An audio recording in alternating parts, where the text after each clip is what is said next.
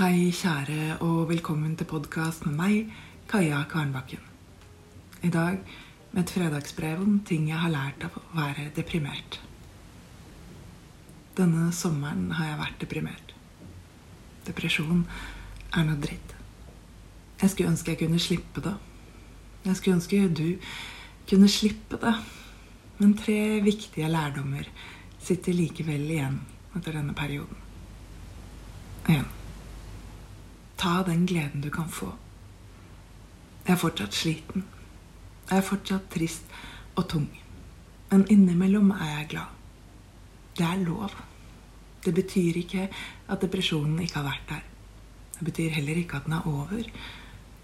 Det er lett å bli redd for å føle på og uttrykke glede. For hva om de rundt tror at alt er bra igjen?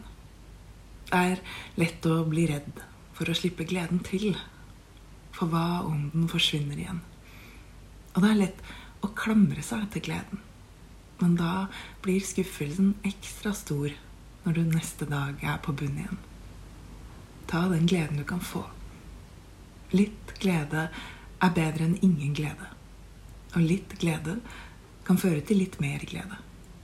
Blir det tyngre igjen, så vet du i hvert fall at gleden finnes. At ikke alt er fullstendig bekmørkt absolutt hele tiden. To. Du får lov til å slippe tak i uro. Jeg har vært deprimert før, men da har det alltid kommet sammen med angst. Denne gangen har jeg bare vært deprimert. Tung og trist og avskrudd. Det har vært jævlig å være så langt nede, men det har vært deilig å ha null uro i kroppen. Etter hvert som jeg har kommet ut av depresjonen, har også nervesystemet blitt mer påskrudd. Og jeg må minne meg på at det er normalt og sunt. Nervesystemet vårt er ment å bli aktivert og gå tilbake igjen. Problemet er når du blir fast i påskrudd. Når uroen og angsten klamrer seg fast med skarpe klør. En høylytt rovfugl som sitter tett om kroppen, graver seg inn i kroppen.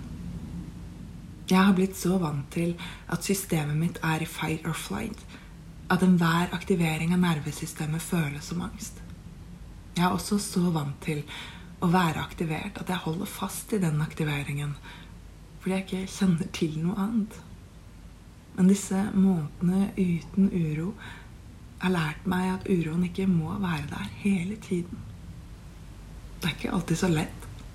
Det er ofte ganske vanskelig men jeg kan slippe tak i den. Jeg kan gjøre som nervesystemekspert Irene Lyon anbefaler, å orientere, som det pattedyret er. Når faren er over, rister vi det av oss og kommer tilbake til her og nå. Tre. Du trenger ikke å streve etter å bli bedre. Jeg vet ikke om det er flink pikegenet eller frykten for at andre ikke skal tåle meg, være glad i meg, hvis jeg er tung og trist uten å gjøre noe med det. Kanskje er det to sider av samme sak. Det er jævlig å være på bunn. Men når du hele tiden prøver å fikse det, forteller du også deg selv at det er noe galt med å ha det sånn. Det er normalt å ha det sånn.